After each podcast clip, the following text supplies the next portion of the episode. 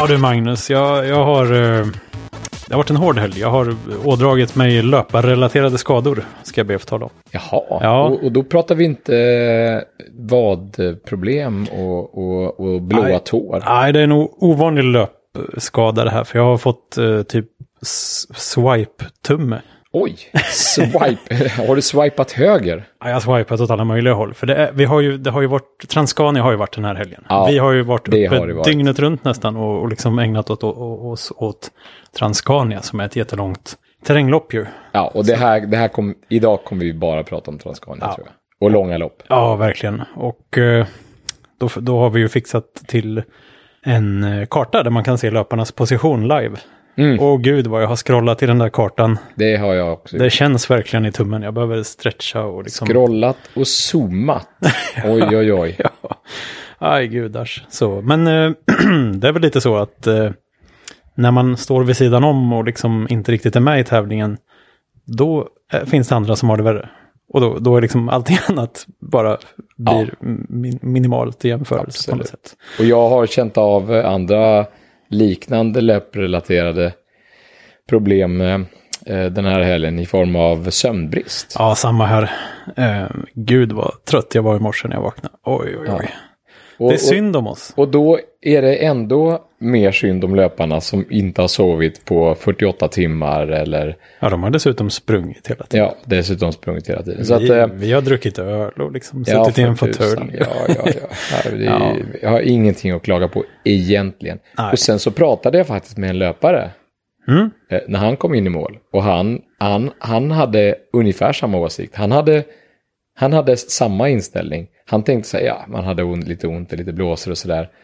Men jag menar då måste man bara tänka på att det fanns folk som hade det ännu värre liksom under krigen. Och Ja, men jo. Man hade pinnar Jo. och ja, vadå? Men- ja.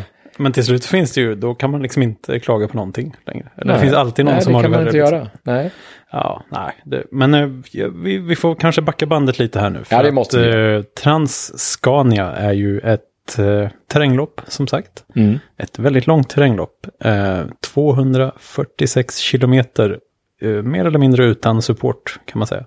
Ute i vildmarken i Skåne.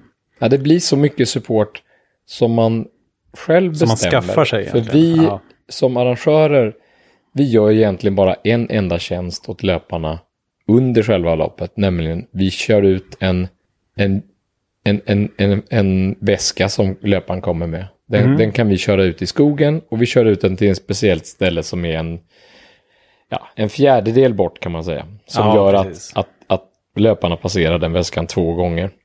Det hade varit taskigt om vi bara körde ut dem i skogen någonstans. Som inte var ett förutbestämt Och så får de bara hämta, så får de leta på den någonstans. Ja.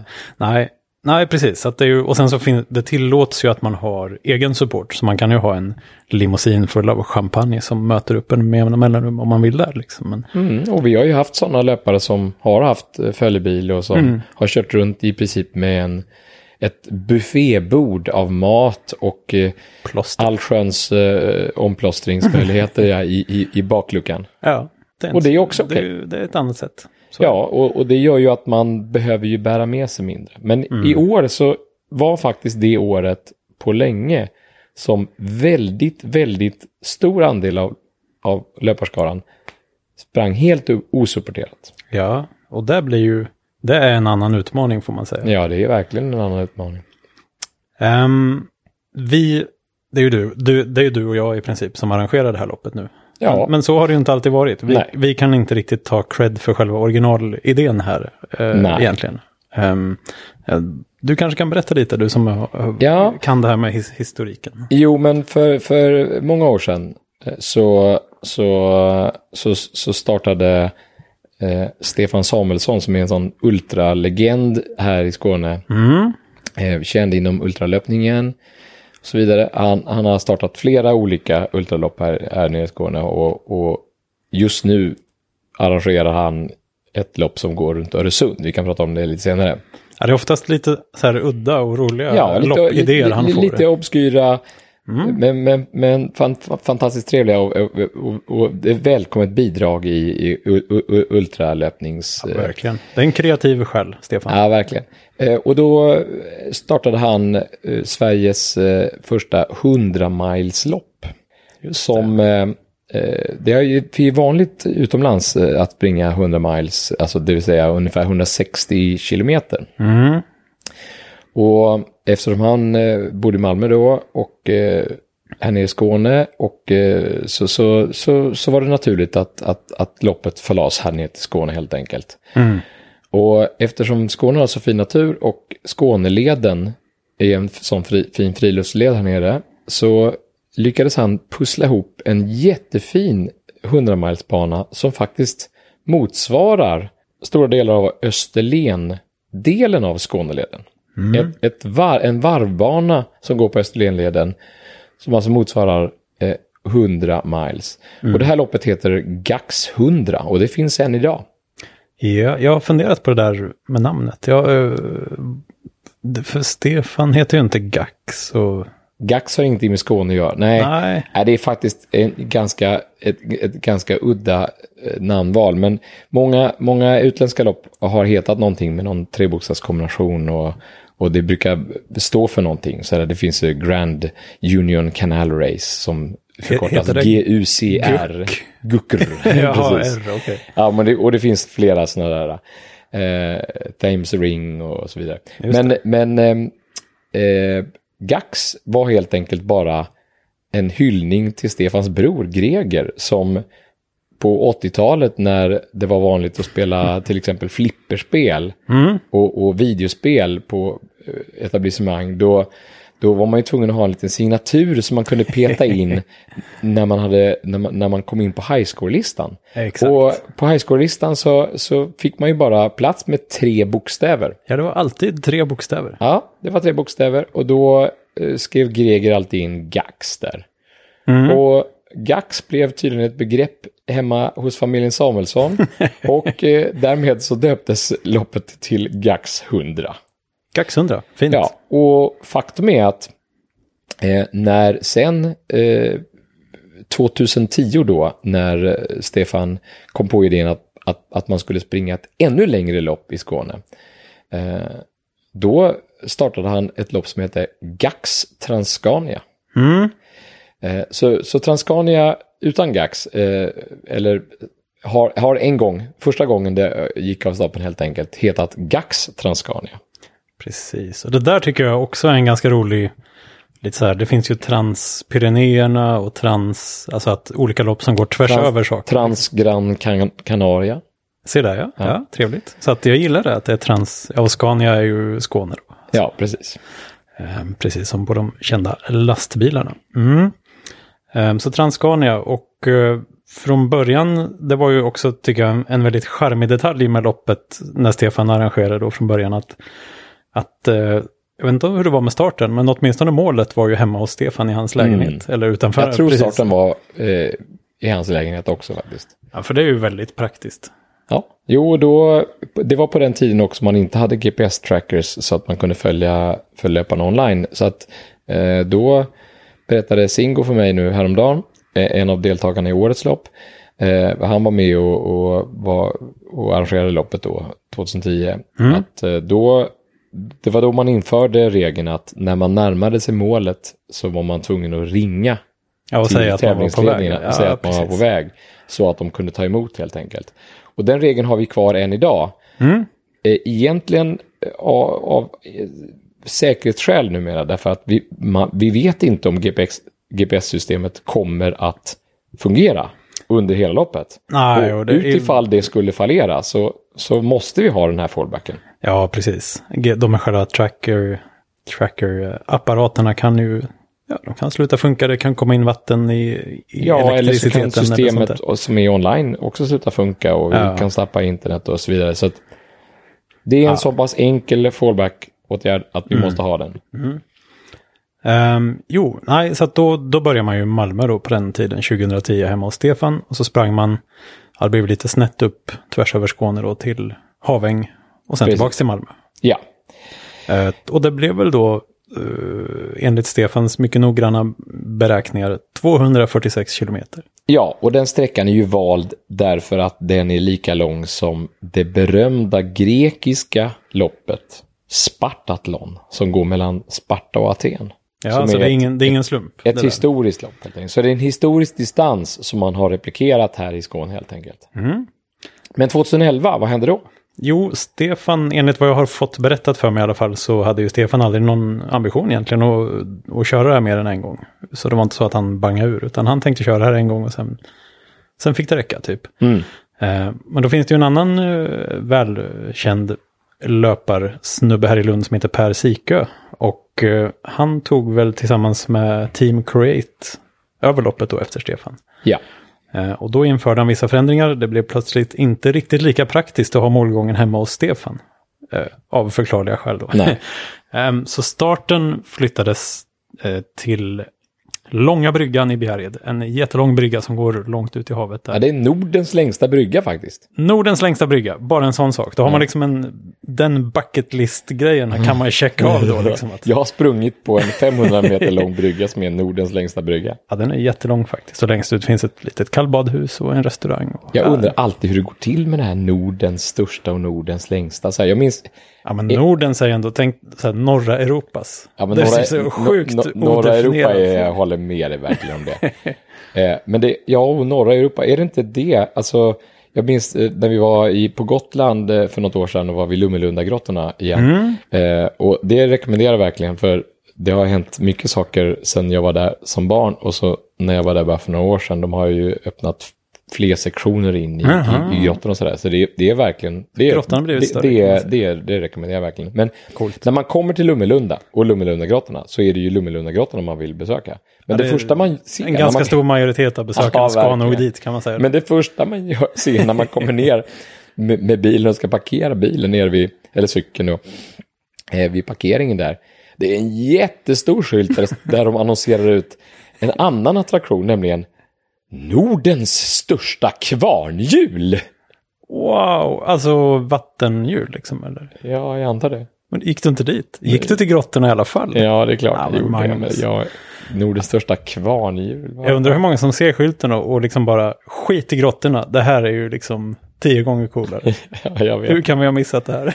Jag tror inte det var norra Europas största kvarnhjul. Men jag tror det var Nordens. Ja. Var det norra Europas största så ja, då må det vara hänt. Ja.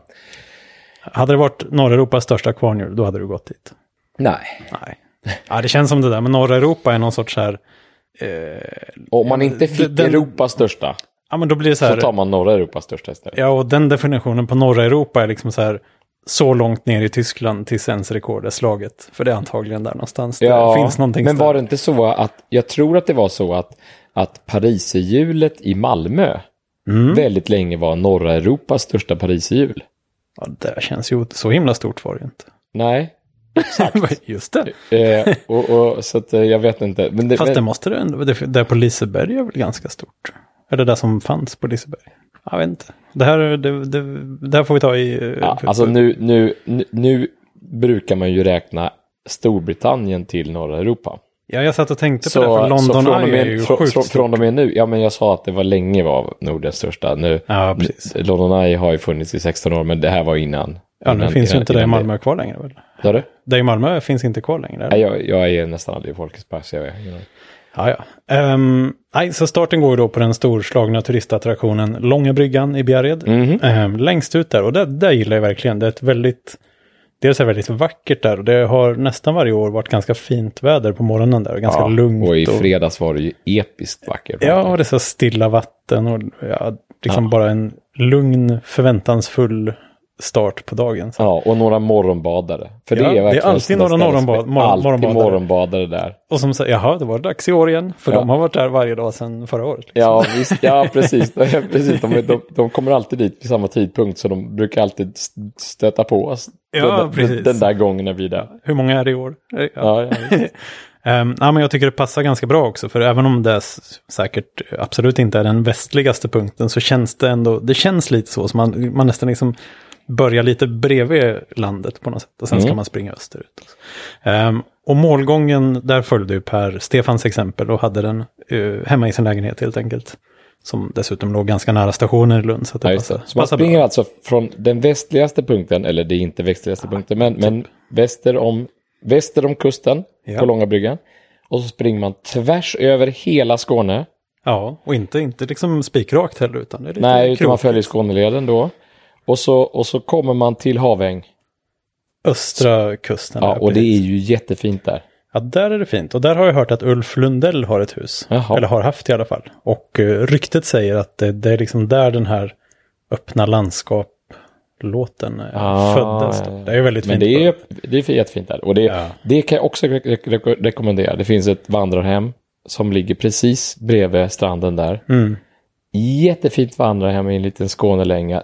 Jättesvårt att få rum där, men det kan jag rekommendera om man lyckas få rum där. Ja. Bo där någon natt, gå lite på Skåneleden eller bara njuta av stranden där. ja, det är vackert. En hel del av löparna får ju tyvärr inte se den här vackra stranden eller utsikten där, därför att de kommer dit när det är mörkt.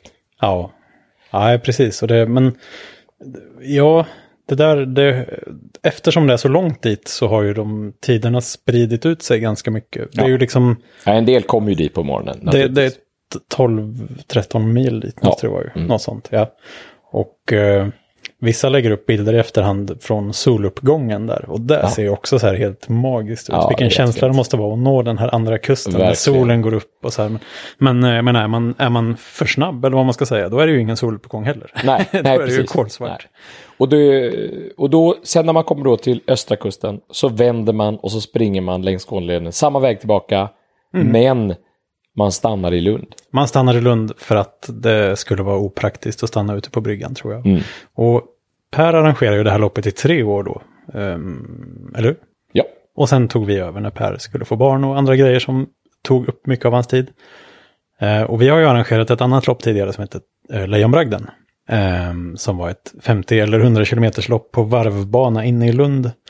Eh, så vi kände att jämfört med det är ju Transcania rätt lätt att arrangera. Och vi har mycket av rutinen. Vi kan bara köra vidare på samma sätt som vi gör med Lejonbragden egentligen.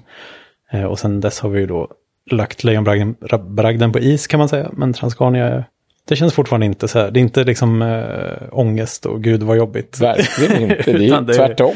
Det, det är inte så jättemycket.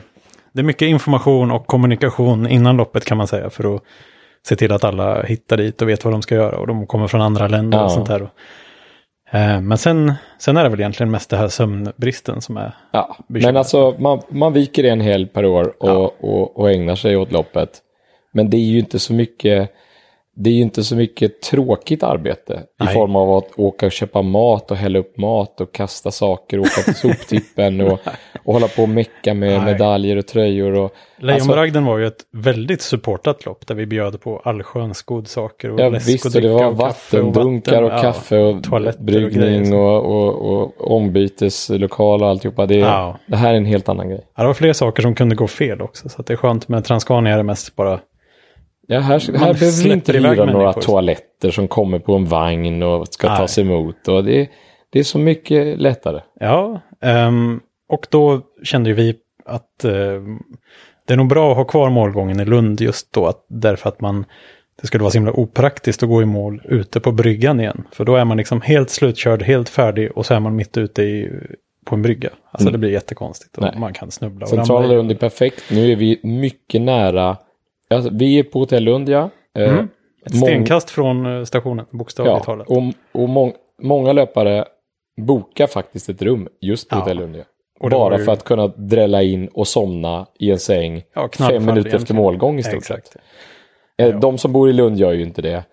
Eh, och sen så är det, var det någon löpare i år till exempel som, som tog tåget till Köpenhamn och bodde där för att hon skulle åka Mm. hem till Storbritannien Ja, dagen efter då. Men, men det är undantag. De flesta bor en natt i alla fall. Ja, jag var med och hjälpte Per sista året han, han arrangerade, för då råkade han ju vara bortrest den eh, dagen. Var det, inte- han gjorde, var det inte så att han, han startade loppet och sen åkte han till Köpenhamn och gjorde en Ironman? ja, så kan det ha varit ja. Ja, inte en Ironman, utan en, det, det som blev Ironman sen. Ja, men alltså. Vad det nu hette. Ja, men, en, Vad heter det? Ja, men det heter triathlon, men det är Jo, ju... jo, visst. Men det, het, det, var en, det var en annan serie som, som konkurrerade med Ironman. Jaha. En annan eh, serie av fullängds eh, triathlon. Ja, ja, men det var en fullängdstriathlon. Challenge någonting. Ja, jag. just det. Ja. Men vi, vilket gjorde att, att, att han Han kunde inte tillbaka. vara där, Nej, för han höll på att springa ett maratonlopp då. ja, precis. Och, När första mannen gick i mål. Ja, Rickard Hallgren va? Ja, det måste det varit då. Just det. Och eh, hela anledningen till att vi valde just Hotell Lundia, eller att, att idén dök upp, var ju att han gick i mål där på kvällen. Han hade dessutom glömt sin plånbok på en pizzeria, tror jag. I Brösarp? I Brösarp kanske, ja. Eh, och han var ju helt färdig och liksom bara, "Öh, kan ni, kan ni hjälpa mig till ett hotell? Liksom. Så vi fick nästan leda honom bort till hotellet där. Och, ja, så hade han ju glömt sin plånbok så fick jag lägga ut pengar också. Så han fick skaffa sig ett rum. Ja, det här är ju en, en, en, en typ av support som, som vi måste stå för lite mer i det här loppet. Ja, fast det där var ju ett... Men det är så få och det är så undantagsmässigt Ja. och det är så, det är så få löpare här så att det är inte... Ja, jag hyrde till och med en bil till, till honom dagen efter så att han kunde åka och hämta sin plånbok. Där, var, där gick gränsen lite grann för att... Ja, jag förstår. Eh, för först fick jag fråga lite så här, ja, får man, kan man hyra en bil åt någon annan? Så hon, nej, nej, nej, man, man måste köra den själv. Så sa jag, ja, okej, men då hyr jag en bil. Och sen fick jag liksom åka åt sidan lite och så fick jag ge honom nyckeln till bilen och sen åkte han iväg. Ehm, Så Okej. det var, det, men det är nog preskriberat nu tror jag och det gick det bra. är fem år sedan. nej, det är Nej, inte kanske fem inte år sedan. Nej, Nej. Nej, det, är, det är fyra år sedan. Ja. Vi har faktiskt arrangerat loppet tre år nu. Det är lika Ja, det mycket som Per. Ja, kul. Så nästa år eh, Nu är vi, leder nästan, vi. nu är vi nästan kompetenta att, att genomföra det här loppet. Ja, nästan. Eller jag i alla fall arrangera det. Um, nej, men så att nu för tiden är ju målet på Hotell Lundia, mitt i centrala Lund. Och, eh, och det är jättebra. Mm. Att, att i alla fall kunna erbjuda ett så otroligt eh, logiskt eller självklart alternativ om man bara vill stupa Ja, i men det är bra också att ha... Förra året så när... Förra året var första året som eh, eh, vinnarna drällde in eh, innan solnedgången. De, ja, för att eh, jag kommer ihåg den där gången då 2000, vad kan det ha varit då när Rickard eh, vann 2013, 2012. 2013 låter bekant, därför Ja. att eh, Thomas Alm vann 2014. Just det. Jo, ehm, då var jag i Malmö på fest den kvällen. Mm. Eh, och sen så börjar vi se att han, han kommer ju gå i mål innan söndagen. Mm. Alltså på, på de, loppet startar på fredag morgon, så springer man hela fredagen och åtminstone större delen av lördagen. Men jag tänkte ju att det är lugnt, jag hade en kompis på besök, vi, eh, vi åker till Malmö, vi kan gå på fest, inga problem för att det är ingen som går i mål innan, alltså de kommer, det kommer fram på nattkvisten sen liksom. Mm. Mm. Men Rickard han pinnar på, pinnar på, pinnar på. Så han gick ju i mål um, innan midnatt på lördagen där om jag minns rätt. Jag för mig att vi fick ta en taxi från Malmö vid tio tiden eller någonting sånt. Och det, det ju... Det var ovanligt på den tiden. han, han, eh, eh, han, det är lite svårt att prata om banrekord då, eftersom han inte slog eh, tiden från när loppet gick från Malmö. Ja, 2010 hade väldigt bra tider. Då hade de flera stycken en bit under 40 timmar. Som ju var någon sorts riktmärke ganska länge. Ja, Ehm, men Rickard han, han eh, sprang på där och eh, han var, jag tror inte han slog 40 timmar. jo han gjorde han. Han sprang, han sprang på 39... Du har tittat facit. Ja, jag kollar på facit nu Ja. faktiskt. Därför att det, det, det, är ganska viktigt att vi pratar om det här nu tror jag. Ja. För, för han, han sprang för första gången på Bjäredbanan då, den nya banan, eh, på 39 timmar och 12 minuter. Alltså första gången eh, under 40 timmar menar du? Första gången under 40 timmar precis ja. Ja, för de åren innan då, folk var ju uppe på liksom 50-55 timmar. Ja, 2012, eh, 2011 var lite speciellt. För det var väldigt, väldigt regnigt. Mm. Eh, och och därmed så, så, så, så, det går inte riktigt att jämföra tider när det är riktigt ruskigt väder. Det där är ju en stor påverkande faktor verkligen. Ehm, men i alla fall, Rickard han, han, eh, han visar ju att det där gick. Det gick att ta sig under 40 timmar och jag Mm. tror tvåan där var ju liksom minst fem timmar efter och så Ja, vidare. ja just det. Nästan sex timmar efter. Mm. Och, och, Men förra året då? ja, men, och, och, sen, och sen så kom Thomas Alm som hade sprungit flera gånger innan. Han hade brutit en gång, han hade, han hade sprungit fem mil fel en gång. Ja, han hade väl insett utmaningen med navigationen Ja. eh, en gång. Och han hade nästan varit riktigt förbannad över att detta liknade en orientering mer än en löpartävling och var sådär... Ja, han var sådär äh, närmast arrogant och, och vi undrade vad är det där för en snubbe egentligen? Och sen så, Ja. men det får vi väl ärligen säga. Ja, ja, men sen visst. kom han tillbaka 2014 och hade en otroligt skön stil. Eh, han hade med sig sin, eh, sin fantastiska support Johan Isevik som, som körde runt i, i, i bil och hade väl lika mycket sömnbrist som Thomas ungefär. Ja, Eh, och Thomas sprang med inte ens med ryggsäck. Nej, han har bara, bara en vanlig tröja och ett par shorts. Och han, liksom. han, han ville nog slå Rickard Hallgrens 39-12. helt men, klart. men gjorde inte det. Sprang på 40 timmar och 32 minuter. Alltså var någon timme där som det... Ja, men någon, någon, någon timme, timme en och där. en Men, men det var en fantastisk tid och han, han lyckades vinna och det var ju Men jätteroligt. jag kommer ihåg att ja, och det var så kul när jag gick i mål där och stod och, och pratade en lång stund och var helt uh, hypad. Liksom. Men, Ja, för han gick ju i mål strax efter midnatt, bara Ja. halv ett. Då. Ja. Mm. men, eh, men han var ändå lite sådär tusan. Liksom. Det här, Ja. Jag måste komma tillbaka. Och det här var 2014 då. Ja, Och förra året så var Thomas Alm med också. det var han. Men han hade haft migränproblem och gick ut hårt. Kanske lite för hårt för den migränproblematiken han redan hade då på gång. Sådär. Och, och var tvungen att bryta helt enkelt. Ja. Efter han, halva han var snabb. Han var mycket, mycket snabb Ja, halva loppet, men bröt efter halva loppet. Precis, men, men, men. Men då, i i hans då, ställe, ja precis, så fanns det ju andra som uh, lurade i vassen lite grann. verkligen, två erfarna ultralöpare, eh, Linda Bengtsson Ja, eh, från Helsingborg, men hon bor i, i, i Norge. yes. Hon har sprungit eh, till exempel eh, 200 milesloppet i Täby, alltså 320 kilometer. Ja, det är ju galet. Fredrik Engdahl Precis, Från, från, eh, Kristianstadstrakten. från där. Kristianstadtakten, precis ja, som har sprungit många lopp här nere och som är snabb ultralöpare också. Ja, ja, det är ju Linda också. Verkligen.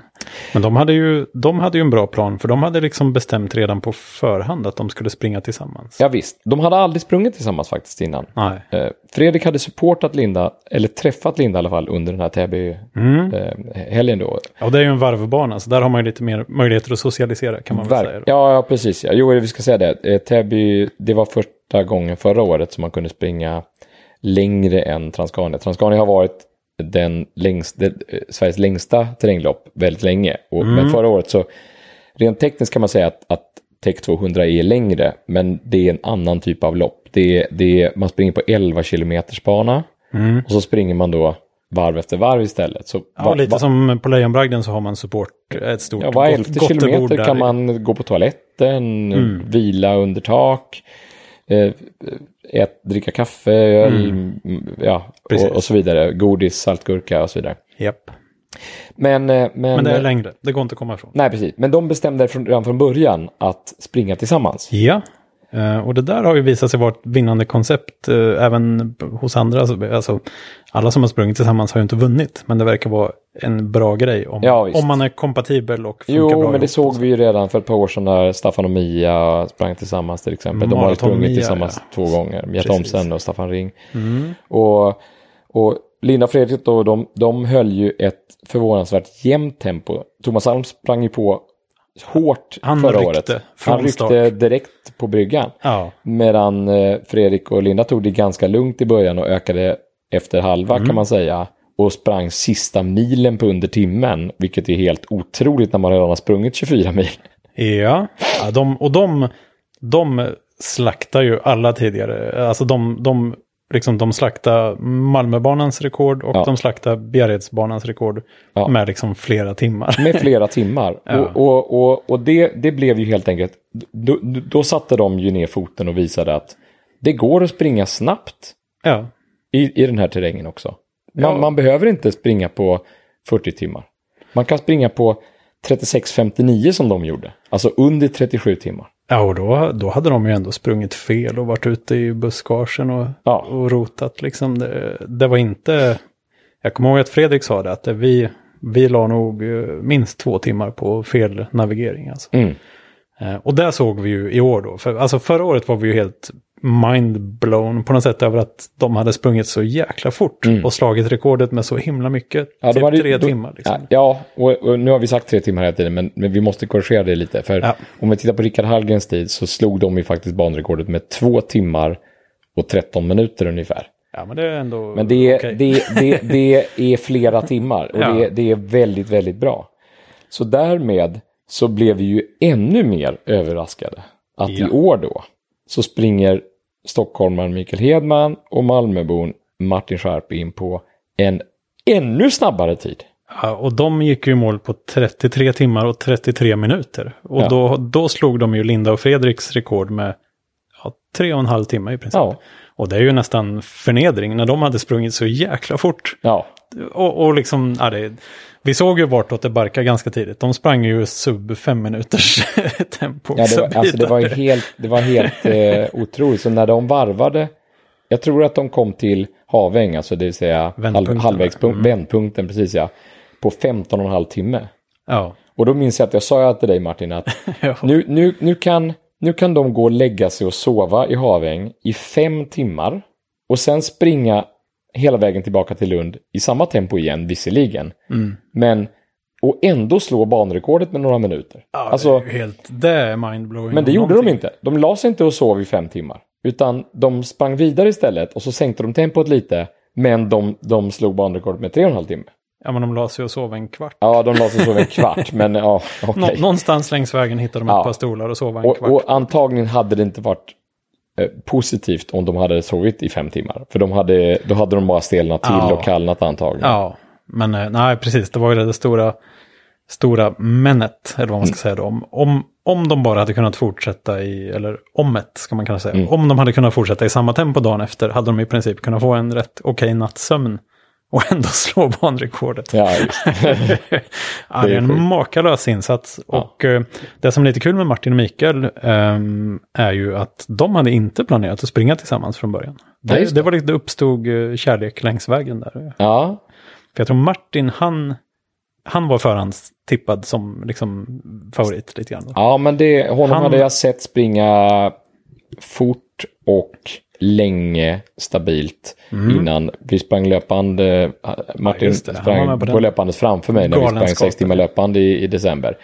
Och då såg jag att det här, det här är ju en löpare med potential, helt klart. Det sa jag till honom också, att det här, det här, det här, det här, det här ser ju stabilt ut inför, inför Transcania, för då var han ju redan anmäld till Transcania. Mm, precis, så han var ju lite, han var känd på förhand. Det var flera Ja. som tippade att ja, men han, oj, oj, han kommer bli farlig. Absolut. Um, Mikael Hetman då visste vi nog inte riktigt lika mycket om här nere. Då. Nej, det gjorde vi inte. Jag tror att han kommer norrifrån någonstans och bor i Stockholms eh, trakter. Däremot så visste vi lite om hans kompis då, eh, Henrik Lovemark. Som, Ja, honom hade vi också som, som han liten- planerade, som han hade faktiskt planerat att springa med. Exakt.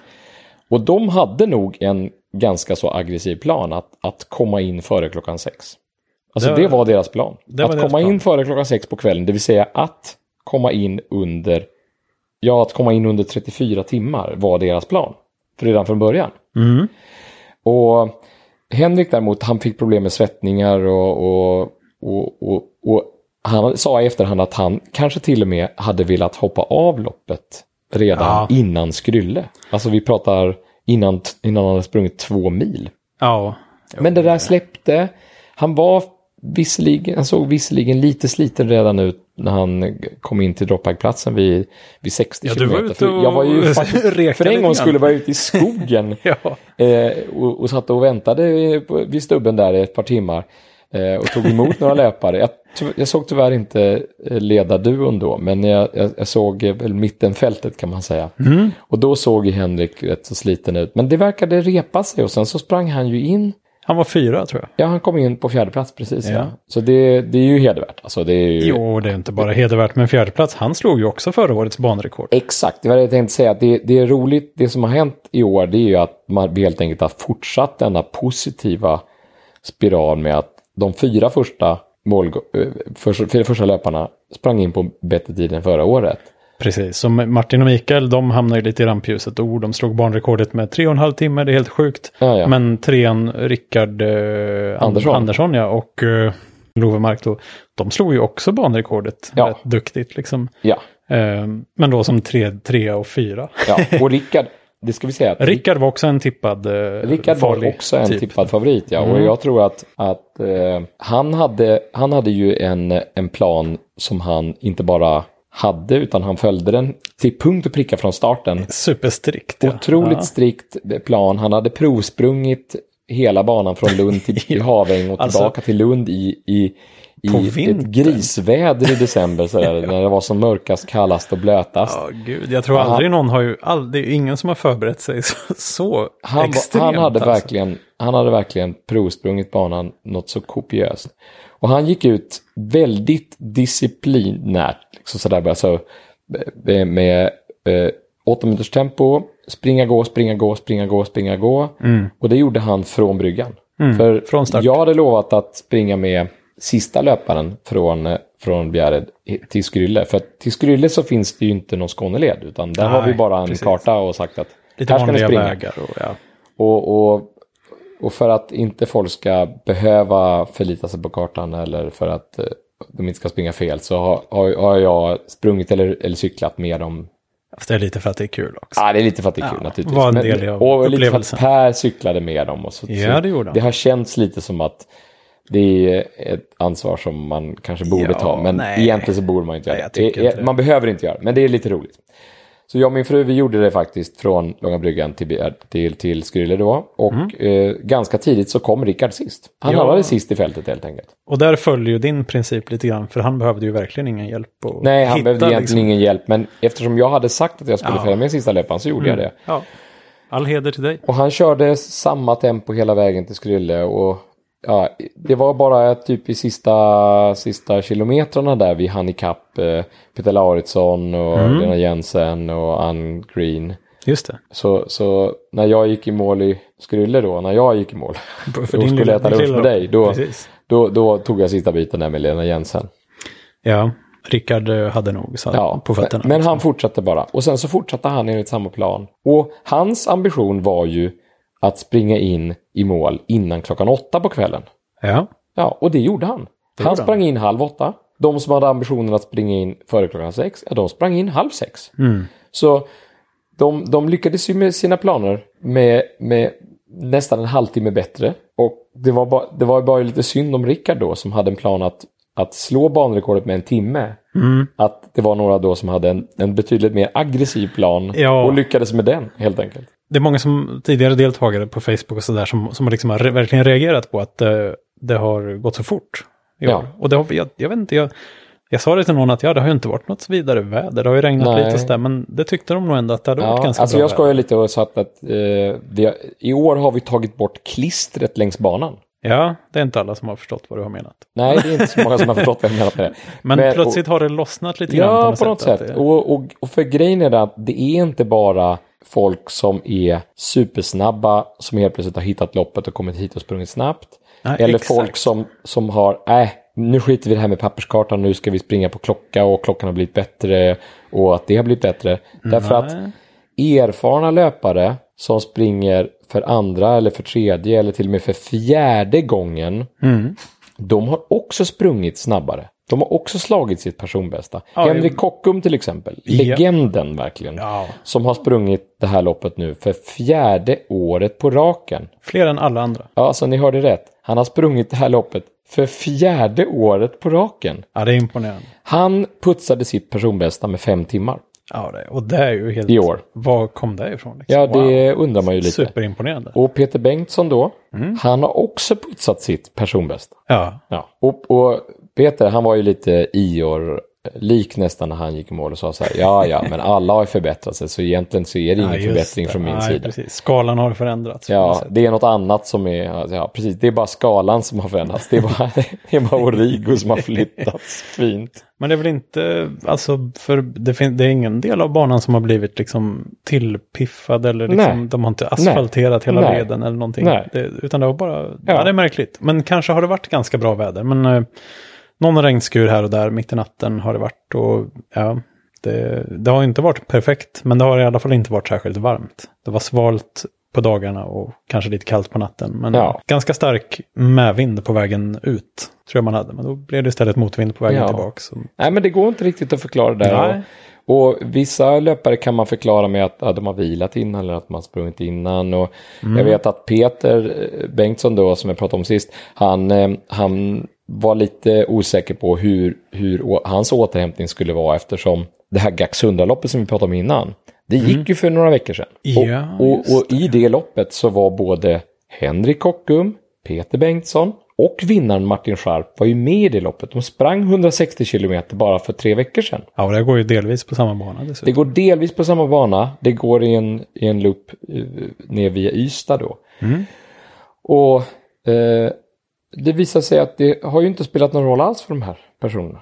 Och Martin Sharp skulle ut och springa ett långlopp om bara någon månad igen. Ja, vi får se hur det går med det då. Det, kan Ja. vi inte, det, det, det, det är lite sv- svårt att säga om. Men, men, men Martin vann ju. Henrik Kockum putsade sitt personbästa med fem timmar. Mm. Peter Bengtsson putsade sitt personbästa med fem timmar. Det gick fem timmar snabbare helt enkelt. Ja, det gick helt enkelt fem timmar snabbare. Och vi kan inte riktigt förklara varför. Ja, jag, jag funderar på, det är inte så att de här tiderna ligger... Jag tänker om det kan finnas någon sorts gräns. För folk brukar prata om liksom att ja, jag vill försöka komma dit innan det blir mörkt och sånt. Att liksom, om man når till en viss punkt innan en viss tid så, så tjänar man så mycket så att det trillar bort några timmar. Men det är inte så att alla de här tiderna ligger på samma ställe heller. Utan Nej, det är 40-45 timmar. Och, ja. men, men jag tror definitivt att det ligger någonting i, i den här diskussionen om eh, alltså likheten mellan det, den här psykologiska blocken som det var kring 40-timmarsgränsen. ja, För precis som det var en gång i tiden historiskt sett med att springa en mile under fyra minuter. Att fram väldigt, väldigt länge så var det i princip omöjligt att springa en mile under fyra minuter. Men när väl någon hade krossat den gränsen, sprungit en mile under fyra minuter, Ja, då då var det helt plötsligt helt okej förlämningarna. att springa en mile under fyra minuter. Då, då sprang jättemånga Precis. en mile under fyra minuter under, under ett par år där. Och, och, och jag tror att det här hoppas, hoppas jag i alla fall att det, det är en av, av, av, av bieffekterna av det här nu. Då, att Mm. Först ser vi banrekordet krossas med två timmar och tio minuter, två timmar och 30 minuter. Då. Mm. Eh, och sen så kommer det att krossas med nästan tre och en halv timme ja. eh, året efteråt. Och, och den här positiva spinnen neråt gör helt enkelt att man har, nu har man ju förändrat hela spelplanen, man har ju förändrat eh, referensramarna på något sätt. För, för ja, men, men tror du att det är att nu, nu törs man ens prova och springa så fort? Att Ja, för det är liksom? svårt att sätta en, en ambition. Det är svårt att träna för en, en given tid på en sån här lång sträcka. Ja. Alltså, ja, man kan göra som Rickard gör, springer ut och gör, gör Springer loppet i en, förväg. en tränings, träningsrunda på 200 kilometer. Men det är, det är svårt också. Det är inte alla som gör det. Nej, det är inte alla som ens har möjlighet att göra det som bor här nere och, eller som Nej. har tiden och orken att göra det. Ehm, och nu ska vi inte göra det här heller till någon tidshäst. För, för det, det, det är ju risken kan man säga. Med, med Ja. att, att allting bara nu handlar om oh, hur snabbt kan man springa och, och nu vill vi bara ha snabba löpare hit. Ehm, Absolut inte. Nej, ha- men så, så är det absolut inte. Det, det är ju jätteroligt att, eh, att eh, för det här är, ett, är ett äventyrslopp. Alltså, Ja, det, kan man, det får man verkligen folk, säga. folk, och det är ett fantastiskt, det sa Fredrik Engdahl och Linda Bengtsson förra året. Och det sa vinnarna även i år, att det är ett fantastiskt vackert lopp. Det är en vacker bana. Det säger utlänningarna som kommer hit också. Det är en vacker bana. Jag, nu tror jag inte att det var det som var skälet, men holländaren som, som kom in sist i, igår, han, eh, han sprang ju längst av alla eftersom han sprang lite omvägar. Men Det han, han sa efteråt, han skämtade efteråt med att säga att ja, det var ju en väldigt fin omväg i alla fall. Men, men det var inte meningen. Nej, det var inte meningen. Det var ju bra att han såg det så positivt. Ja, han sprang ju omvägen över Brösarps backar runt Brösarp istället för genom Brösarp. Liksom. Ja, typiskt uh, dumt. Men, ja. Eh, och det där är ju kul också. Det här loppet, um, Transcania då, det ger, det ger kvalpoäng till uh, UTMB. Ja, Ultra Trail du Mont Blanc. precis. Ett väldigt, väldigt känt. Ja, det är lite sådär uh, legendariskt. Eller det är något man, man vill komma dit. Ja, det är många som vill komma dit. Och det är så Eh, många som vill komma dit så att man måste liksom skramla ihop till en viss mängd kvalpoäng för, jag att- för att få Jag vara tror att det med. är 12 poäng. Man måste, få, man måste få 12 poäng från tre olika event eller något sånt där. Mm. Och vårt lopp ger ju fyra poäng då enligt den gamla skalan, sex poäng på den nya skalan, Ja. vilket är max för ett Ja. lopp. Då. Så det är vissa som letar sig hit från, från olika länder runt om i Europa har det väl varit. Och vi har haft någon amerikan som har varit anmäld men inte kommit. Och, Precis, vi har haft eh, vi hade en Israel Israel, förra året. året. Vi hade Två ryssar för två år sedan. Ja. ja. Och, och, och Joakim vet jag som, som, som kom in på elfte plats i år. Han, han, han, eh, han sa på slutet att ja, nu, nu är det jobbigt alltså, men jag ska ha de där poängen. Ja, så, så det var poängen som hägrade. Och, och det må väl vara hänt att det är poängen som hägrar då. För det är, att, det är tråkigt att bryta. ja, och även om, jag menar, för oss spelar det väl inte så stor roll om det är poängen eller någonting annat som är drivkraften. Men det är roligt att det kommer hit folk från lite andra länder. Ja, som som liksom bara upptäcker det här loppet, kanske från UTMB och webbsidan. Men Mm. Å andra sidan, i år hade vi ju Anne Green, som du sa, från Storbritannien. Hon, hade ju, hon var inte här för poängen. Hon hade bara råkat få syn på det här någonstans. Ja, nej, det var faktiskt så att hon hade träffat Henrik Kockum och Peter Bengtsson Ja. på det här Thames Ring-loppet förra det, året. Ja. Och så hade Henrik pratat om det här loppet helt enkelt. ja, och, för hon hade varit sugen på något långt. Ja, just det. fick hon ju, kan man säga. och sen hade hon, hon hade varit i Sverige, hon hade jobbat ett par år i, Ja, i Stockholm, Stockholm, så hon ja, kände precis. till Sverige, lite svenska förhållanden och sådär. Mm. Men, men det, har ju, det tror jag inte till exempel ryssarna för två år sedan. De, de, om de inte liksom har varit här i något hemligt spetsnadsuppdrag under Ja. 80-talet. Så, Alltså så, en, så, en av dem var väl gammal militär? Jo, en av dem var ju gammal militär. Man skulle kanske kunna misstänka det. Men de bilade hit från Sankt Petersburg och,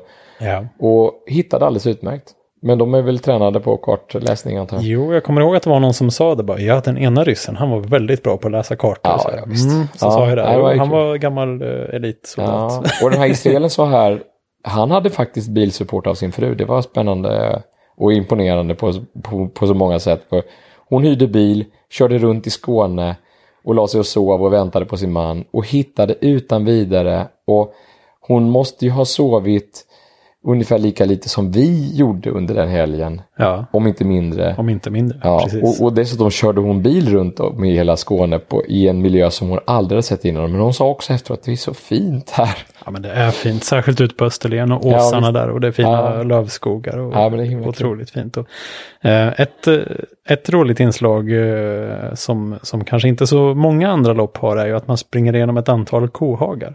Ja. Inklusive kor. Oh hjälp, ja, ja. Därifrån finns det rätt många historier. Sådana eh, kyrkalvar som man liksom börjar fundera på. Är det här nu en ilsken kyrkalv eller är det en nyfiken kyrkalv? Ja. Vill den liksom stånga ihjäl mig eller nosa lite grann? ja men de, det, kan vi, det kan vi bara lugna alla som vill provspringa delar av banan. Att det är, de är hur fredliga som helst. Och de är, de är, de är bara väldigt, väldigt, väldigt nyfikna. Och Ja. ibland ser de så himla jobbigt nyfikna att de kan stå i en hel klunga omkring en. Runt det blir jobbigt att ja. ta sig förbi. Henrik Lovemark berättar att han, han, han, han, han, han kröp under elstängslet och fick till och med en, en, en kyss av elstängslet där. För att han skulle undvika att gå i samma kohage som... Som I, korna. så han, han gick i den parallella kohagen bara.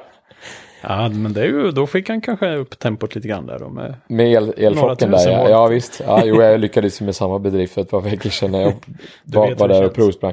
Alltså Och- kor och ibland har det funnits hästar längs eh, banan och eh, vildsvin var det flera som såg i år. Som Ja. verkligen såg vildsvin på riktigt. Ja, och vinnarna påstod att de hade sett bä... Nej, här- En grävling. En grävling, inte Ja, bäver, snackar jag om. Och eh, fästingar har folk sett och fått. Och plockat, Ja. precis. Ja.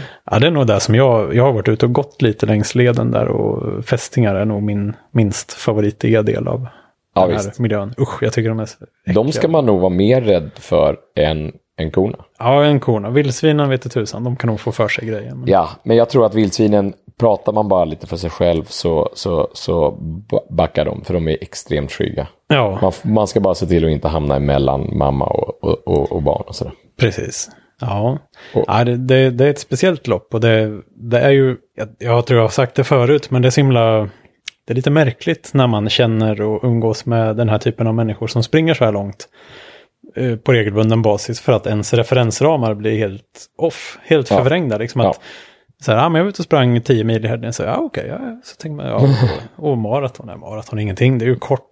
Och sen när man sticker ut och springer själv en eller två mil så bara, shit, ett maraton är ju lika långt till. Det är ju jättelångt att springa Ja, ett maraton. Ja. Och Transcania är ju åtta maraton på raken. Ja, jag minns- I terräng. Ja, jag, visst, jag minns bara, jag minns någon gång, om det var förra året tror jag, när jag för första gången sprang mer än 250 kilometer på en månad. Mm, på precis. Ja, det, för då, då lyckades jag samla ihop typ en mil om dagen hela februari förra året. Men Och det är ju jättemycket. Jag Ja, det- sprang sju mil i juli, jag tyckte det var mycket. Ja, ja men, men, men det var första gången jag sprang eh, liksom, me- me- mer, än, mer än 250 kilometer på, på månad. Och då tänkte jag bara efteråt att ja, oh, det, det kändes fantastiskt. En mil om dagen en hel månad. Men så tänkte jag, ja okej, ja, det, det är bara lite mer än vad Transcania-människorna springer på en helg. Ja. Öh. Det, det, det, är så ofattbart långt. Men det går ju. Alltså folk gör det ju. Ja, men det gör ju det och det, det är som jag sagt tidigare att Alltså man, man, man, man ökar volymen långsamt och helt plötsligt så har man sprungit 100 km på en vecka. Ja, men jag undrar, eh, och det är inget vi kan veta så mycket om egentligen kanske, men det händer varje år. Varje år kommer minst en gammal löpare som gärna har varit med tidigare år och sådär äh, återkommande. Liksom, Ja. att, så här, "Aj, usch, jag har inte sprungit något i år alls knappt. Jag sprang lite något loppet där i våras, men annars har jag inte sprungit någonting. Nej. Och sen river de av 25 mil nästan på Ja. en helg. Alltså jag, jag förstår inte hur det där går ihop. Nej. Jag, hur, Nej, det hur, hur uppnår man den statusen liksom? Ja, nej, då, För det är det är mycket mentalt, verkligen. Det, är ju där, det kanske är den största prövningen. Men det går ju inte att komma från soffan Jo, vi- och bara sticka ut. Liksom. Vi är ju verkligen tillbaka i det här uh, Niklas Grebeck uh, filosofiska resonemanget om precis. förnuftets röst och så vidare. Jag hade några sådana diskussioner med löpare under helgen att ja, vad som, vad som driver en att fortsätta när, när, när man har en mental dipp Ja. och, och vad, som, vad, som gör, vad, som, vad som löser ut en, eh, en, en, en situation när man bryter. Mm. Och det är ju en av anledningarna till att jag väldigt, väldigt ogärna åker ut och möter löparna längs loppet. Därför Ja. att det, Oj, oj. det är precis vad man inte ska göra. Ja, det var ju ett år som Per arrangerade loppet när de hade hyrt en, en varm och skön vedeldad stuga. Ungefär halvvägs. Ja, Och det, lopp, det året var det väl väldigt regnigt dessutom tror jag. Så alla som stannade i stugan, alla som satte sin fot i stugan, de bröt loppet. För att Mm. där var det varmt och gött, där kunde man vila och ha det skönt.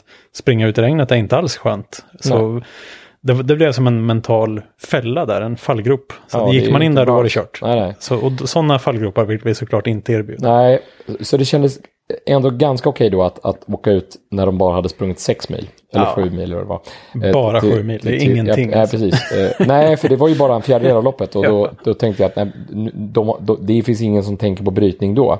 Det var faktiskt en som bröt, inte bröt då, men som, som bröt senare, senare. Som började prata brytning med mig då. Det var du som sådde fröet. Eh, Nej, det var inte jag som det förut. Han hade, han precis. hade redan börjat tänka på det innan då tydligen. Men, men eh, jag pratade med tysken efteråt. Han genomförde ju loppet. Och, eh, Georg Kirsch. Ja, vad kom han in på? Femte? Femte, Ja, sjätte plats, femte tid tror jag. Ja, efter Rickard där. ja. Mm. Ja, just det. Eh, och eh, Han var väldigt ung. Det är ovanligt. han var jätteung. Jag tror, han kan ha varit den yngste som genomförde loppet Ja. eh, hittills då. Och han, eh, han sa att han, han vid något tillfälle var, var, var nära att bryta och tänka så här, nej, jag orkar inte det här mer. Men då, då började han tänka på hur otroligt jobbigt det skulle vara att bryta där. Alltså det skulle Ja. vara, dels så skulle han behöva ta sig någonstans och ringa till taxi för att kunna möta en taxi. Ja. Att få en taxi vid den tidpunkten i den terrängen. Det skulle liksom I vara ett himla land som man inte är van vid. Nej, och hitta taxinumret där. och Ja, så. för det är ju en grej. Vi, vi åker ju inte ut och hämtar upp folk. Och, Nej, det gör utan, och det Nej. tror jag är ganska bra. Jag, det, tror, det ska att inte det, vara jag lätt. tror att det är jättebra. Det ska inte vara lätt att bryta. Alltså att bryta, det ska vara... Råkar man ut för en olycka, då ringer man ju en ambulans. Ja, och råkar och- man ut för en och- liten olycka, då kan man ringa en taxi. Det går. eller, det går att få en taxi. Eller se till att åka med någon som har supportbil, vilket Ja. några gjorde här då. Precis. Eller, eller å- ta, ta bussen från, från det. Brösarp. Det fin- eller- man, man touchar civilisationen lite här Det går. där. Och det, där, därför är- det väldigt, väldigt ovanligt att folk bryter innan första morgonen. Därför att eh, ja, dels har man inte kommit så långt. Men, men, men att bryta nattetid är, är mycket jobbigare än att bryta dagtid. Det är nästan lika bra att fortsätta. Alltså ja, det, och det var det tysken menade. Så, äh, det, det går lika snabbt, det, det är lika bra att vända om och, och, och Ja. springa hela vägen till mål. Och sen så lossnade den men- mentala dippen igen. Mm. Och då, ja, då, Jo, för Niklas, lite där Niklas var inne på kan man väl säga i den här eh, dokumentären om fotrally var väl, alltså på något sätt är ju att bryta är ju utgångs, det är liksom det som är default-läget på något sätt. Så gäller det att hitta sätt att, eh, att, att overrida det med någon, någon sorts drivkraft och inte göra. det. ja, precis. Så, så att, att bryta, det är, det är förnuftets röst då. Det, det finns ingen mening i att, att, att fortsätta detta. Nej. Så man måste ha förberett sig med mentala eh, argument som man kan ta till. Eh, som, som är tillräckligt starka och tillräckligt många för att man ska kunna hålla upp en sån här mental dipp helt enkelt. Mm. Och där har man ju då eh, fördelen just med att springa i par. Jag vet inte Ja. om vi kom till det här riktigt förut, men Nej, vi knyter ihop säcken lite grann. lite. Eh, att då är ju chansen åtminstone eh, ganska stor att eh, man får inte en dipp samtidigt. Nej. Utan när någon får en dipp är den andra på gott humör och springer på. och Man kan liksom, kom igen nu, vi, vi, vi går en bit och sen kan vi springa igen. Eller vi stannar och käkar lite och så springer vi igen. Ja, okej. Och liksom håller man bara ut så det där släpper ju ofta efter ett tag. Och då, Ja. då kan man pinna på lite grann. Och det var precis det Fredrik Linde pratade om förra året. Och jag tror i och för sig att Martin och Mikael som, som vann i år, att de kanske dippade samtidigt någon gång. Ja. Men jag vet inte om det var en så djup dipp, en sån depp-dipp sådär, utan Jag tror att det var en- det var en trött sömndipp. dipp. Ja, det var, det var mer en Precis. sömndipp. Precis. Jag tror det var då de la sig och sov en kvart. ja, Och sen körde vidare. ja, så de kunde ha sprungit in. De kunde ha sparat en kvart. Ja, de slösar Ah, bort en kvart. det Nej, så kan man verkligen inte säga. Om, om de inte hade sovit hade de kanske inte sprungit in alls. Nej. Precis. Nej, men så att det, det, det här är en rolig återkommande eh, galenskap vi drar ihop kan man väl säga. Ja. Och eh, där vi har tillfört är väl just det här kanske med GPS-trackers. Det är lite lättare att följa loppet nu. Man kan se, det är inte bara så att ett antal människor försvinner ut i skogen på fredag morgon och sen kommer tillbaka någon gång efter några dagar och kommer ett samtal liksom att ah, nu ska jag gå i mål eller nu ska jag bryta. Utan nu kan man faktiskt se ungefär var folk är någonstans med någon Ja. halvdan för noggrannhet i för alla fall. att eh, knyta upp säcken lite egentligen med Stefan Samuelsson då och Gax och så vidare.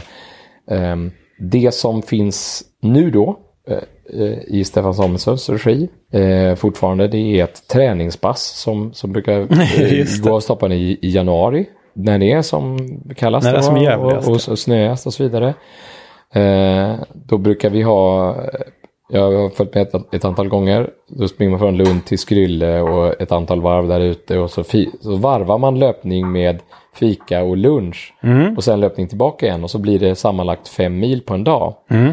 Och det är typiskt en sån här äh, ingångs Inkörsport. inkörsport kan man säga för folk som inte har sprungit långt alls innan. Det, dit Mm, brukar det komma folk som kanske bara sprungit två mil som längst eller sådär. Kanske Men nu får de chansen då att springa 14 kilometer till Skrylle, fika, springa en mil, fika, springa en mil, äta lunch, springa hem. Alltså det är ju något, det, det är någonting med ultralöpare och fika. Ja, Det- men det är det, är, liksom- det är en går hand i hand. fantastiskt, bra återhämtning och så kan, träffar man andra, andra likasinnade och så vidare. Mm. Och i, i loppväg då så arrangerar Stefan nu eh, ett lopp som heter Gax Urasunti. Precis, det var det du var inne eller, på. eller om det heter möjligtvis eh, Urasunti Epiphany. Som är ett, ett Öresund runt-lopp. Mm. Och Öresund är ju ingen sjö, så att där krävs det lite transporter. Ja, just det. Så att man får springa, man börjar i Malmö va?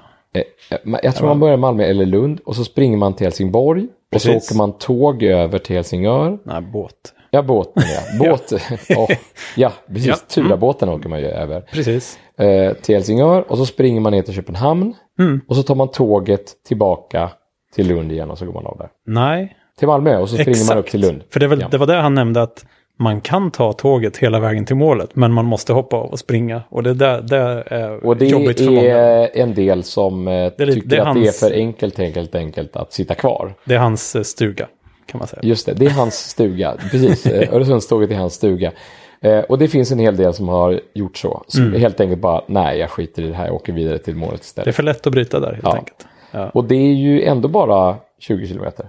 Men eh, Det är bara två mil, det är det är ingenting. som du är. Eh, jag nu är har inte, har inte bansträckningen i huvudet där hur långt Öresund är. Men det går i alla fall två gånger om året. En gång på våren och en gång på hösten. Ja. Och då brukar man springa medsols ett, den, den Just ena det. tidpunkten och så motsols den andra tidpunkten. Men går det inte vid vårdagjämningen och höstdagjämningen? Ja, Liksom, det, att det är någon kanske det grej, går. jag. Nå- Någonstans där. Ni, får, ni får helt enkelt Det går googla, att på, googla på uh, Öresund i Epiphany. Och jag tror att eh, det är, är ganska låg anmälningsavgift. Det går till välgörande ändamål. Och man Mm. får, man, men man får nog en tröja eller något sånt där tror jag också numera. Och um, det, det hade varit kul att, att prova någon gång tror jag. Ja, till skillnad från de loppen som vi arrangerar kan du ju faktiskt vara med i det där loppet. Ja, ja, du menar att jag får inte springa Nej, du får inte springa. Nej. Ja, nej, vi får se. Ehm, bra, Ehm, vi, eh, det finns mycket mer att säga om det här. Men vi, vi får dra en gräns någonstans tror jag. Ehm, men vi pratade ju faktiskt lite grann med Martin och Mikael just efter att de hade gått i mål. När de satt och pustade ut i lobbyn på Hotell Lundja. Ja, just det. Ehm, så vi kan, vi kan avsluta lite med deras kloka ord här. Det tycker jag vi gör. Och eh, så pratar vi nog om något annat än Transcania nästa vecka. Men det blir minst lika roligt. Det blir det absolut. Som vanligt. Ha det så bra. Hej, hej. Ja, och då sitter jag med vinnarna i Transcania 2016, Martin Sharp och Mikael Hedman. Hallå! Um, och det skulle vara jättekul att höra om den här fantastiska bedriften får man väl ändå säga. Att ni, ni har ju slagit banrekordet med mellan tre och fyra timmar och uh, postat selfies och sett glada ut i största allmänhet hela vägen. Så uh, Mikael, kan du berätta lite om hur, hur du tyckte loppet varit? Det var, det var första gången du var här och sprang, eller hur? Ja, jag har sett fram emot det här loppet väldigt, väldigt länge och tränat väldigt mycket. Och nu när vi äntligen fick genomföra det så tänkte vi från början att vi, vi ger allt. Um, och Martin och jag, vi, vi, vi träffade varandra efter vägen och vi, vi, vi, insåg att vi fungerade väldigt bra ihop. Och så då körde vi loppet så långt det bara gick. Och det funkade jättebra. Och det var hela vägen in i mål helt enkelt. Det var så, så långt det gick. Men du var lite eh, försiktig där i början, eller? När jag, jag frågade dig lite sådär, försökte fiska lite efter hur ska ni liksom... Vi hade ju våra aningar liksom, så att, att, att ni skulle köra stenhårt. Um, men du var lite sådär, ja, nej, men vi, vi ger det nog en chans. Liksom så. Men, men det här var planerat från början att det skulle gå undan. Ja, jag hade hoppats på att komma in före 18 faktiskt. Det gjorde du med marginal. Ja, ja, det var väldigt roligt. Hur var loppet? Hur, hur var det att vara där ute? Det var långt när man kom till Haväng och så, när man insåg att man skulle tillbaka hela vägen. Så att det var, det var obegripligt långt, men eh, det gick till slut. Efter, lite, efter vi hade fått sova lite grann i tio minuter ungefär, då, då blev det mycket enklare allting. Vad säger du Martin, hur, hur var det för dig? Det var första gången du sprang Transcania också? Ja, jag har sprungit eh, Gax två gånger tidigare och Marcusloppet två gånger tidigare. Så, och sen dessutom har jag tränat en hel del på banan. Så. Du har varit ute och rekat så du visste vad du gav dig in på. Och Gax går väl eh, delvis på samma sträcka? Ja, delvis. Eh, så, så det jag har rekat är ju framförallt de berömda kohagarna. Är det här det längsta du har sprungit någon gång? Ja, det är det. Tidigare så har jag sprungit 100 miles, det vill säga drygt 16 mil. Så det var 10 mil till ungefär? Nej, inte riktigt. Men 8 till. Nästan. Vad var jobbigast tycker du att vara där ute? Ja, men jag måste säga att jag blev själv väldigt överraskad eh, att det gick så bra. Jag, jag trodde jag skulle få mer eh, så kallade dippar. När man är helt, ja, väldigt, väldigt trött och sömnig och hungrig. Men eh, jag tyckte det gick väldigt, väldigt bra. Vi, vi hade, jag och Mikael hade ungefär samtidigt där vi var väldigt trötta. Där vi, ja, vi hittade ett ställe och somnade utomhus i 15 minuter. Så det, men det kan vara det som avgör de 15 minuterna. Ja, det och sen eh, är det ju maten också. Det är många annars som säger att eh, det är så bra när man springer tillsammans två stycken. För det, det, det är inte så vanligt att man får dippar samtidigt. Sådär. Men ni lyckades pricka in en i alla fall då. Ja, mer eller mindre. Jag tror Mikael fick eh, en dipp lite före mig, men sen tog det kanske en halvtimme. Så vill jag också lägga mig och sova ungefär vad som helst. Ja, jag förstår. Det är hårt. Eh, någon annan sådär reflektion från den här tiden nu? Ni har knappt hunnit smälta det, men vad, vad kommer ni att ta med er härifrån? Eh, väldigt trevliga personer så har vi träffat på efter banan. Så det har varit, eh, och sen har det varit väldigt vackert. Väldigt vacker miljö. Så jag är inte, eh, ja, miljön i Stockholm eller norr, norröver är, är eh, helt annorlunda. Så att det var väldigt roligt. att få se grävling för första gången i mitt liv, levande. Bara en sån sak. Vad säger du Martin? Ja, jag tycker ju det är helt fantastiskt att springa i, i det här området. Så jag bara älskar det. Och sen kanske det i tävlingssituationen eh, kanske man inte hinner njuta lika mycket som när man är ute och tränar. Men eh, jag tycker det är helt otroligt fint. Det är fantastiskt bra jobbat grabbar. Nu har ni verkligen gjort er förtjänta av att sova lite och ta en öl och njuta i största allmänhet. Tycker jag. Tack så jättemycket.